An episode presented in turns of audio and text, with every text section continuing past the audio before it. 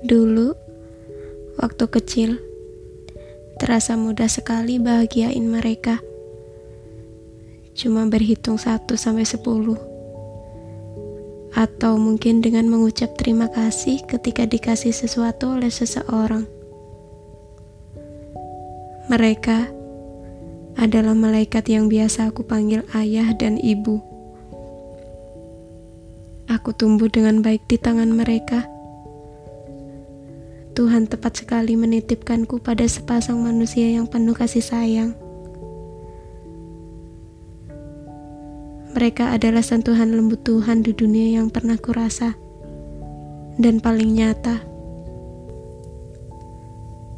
Dulu, waktu aku marah sama mereka, ingin sekali rasanya kabur dari rumah gak balik lagi, pergi jauh.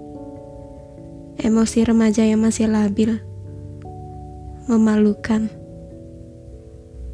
Masa remaja memang menyebalkan, bukan bagiku.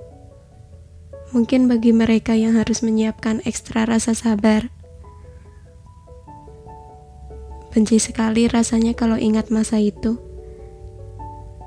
Darun kecil yang gak pernah mikirin perasaan orang lain.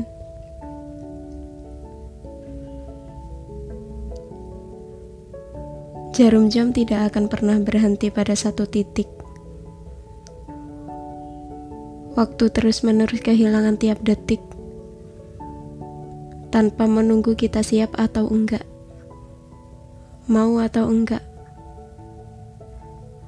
Waktu terus berjalan tentu dengan tujuan manusia akan tua, yang kecil pun akan menjadi dewasa. Dulu, kukira menjadi manusia dewasa itu menyenangkan, bebas dari aturan rumah, hidup sendirian di luar sana. Tapi, perkiraanku salah. Rumah adalah tempat ternyaman yang ada di bumi, yang berisi manusia-manusia indah yang gak pernah menuntut apa-apa. Manusia yang memastikan aku dalam keadaan baik. Ayah, ibu, adalah kedua manusia yang gak akan pernah berubah bahkan ketika kita sudah mulai dewasa. Sedih sekali rasanya. Pada angka yang gak lagi muda, aku masih menjadi darun kecil yang berlindung dalam genggaman tangan mereka. Bedanya hanya sekarang gak minta permen coklat.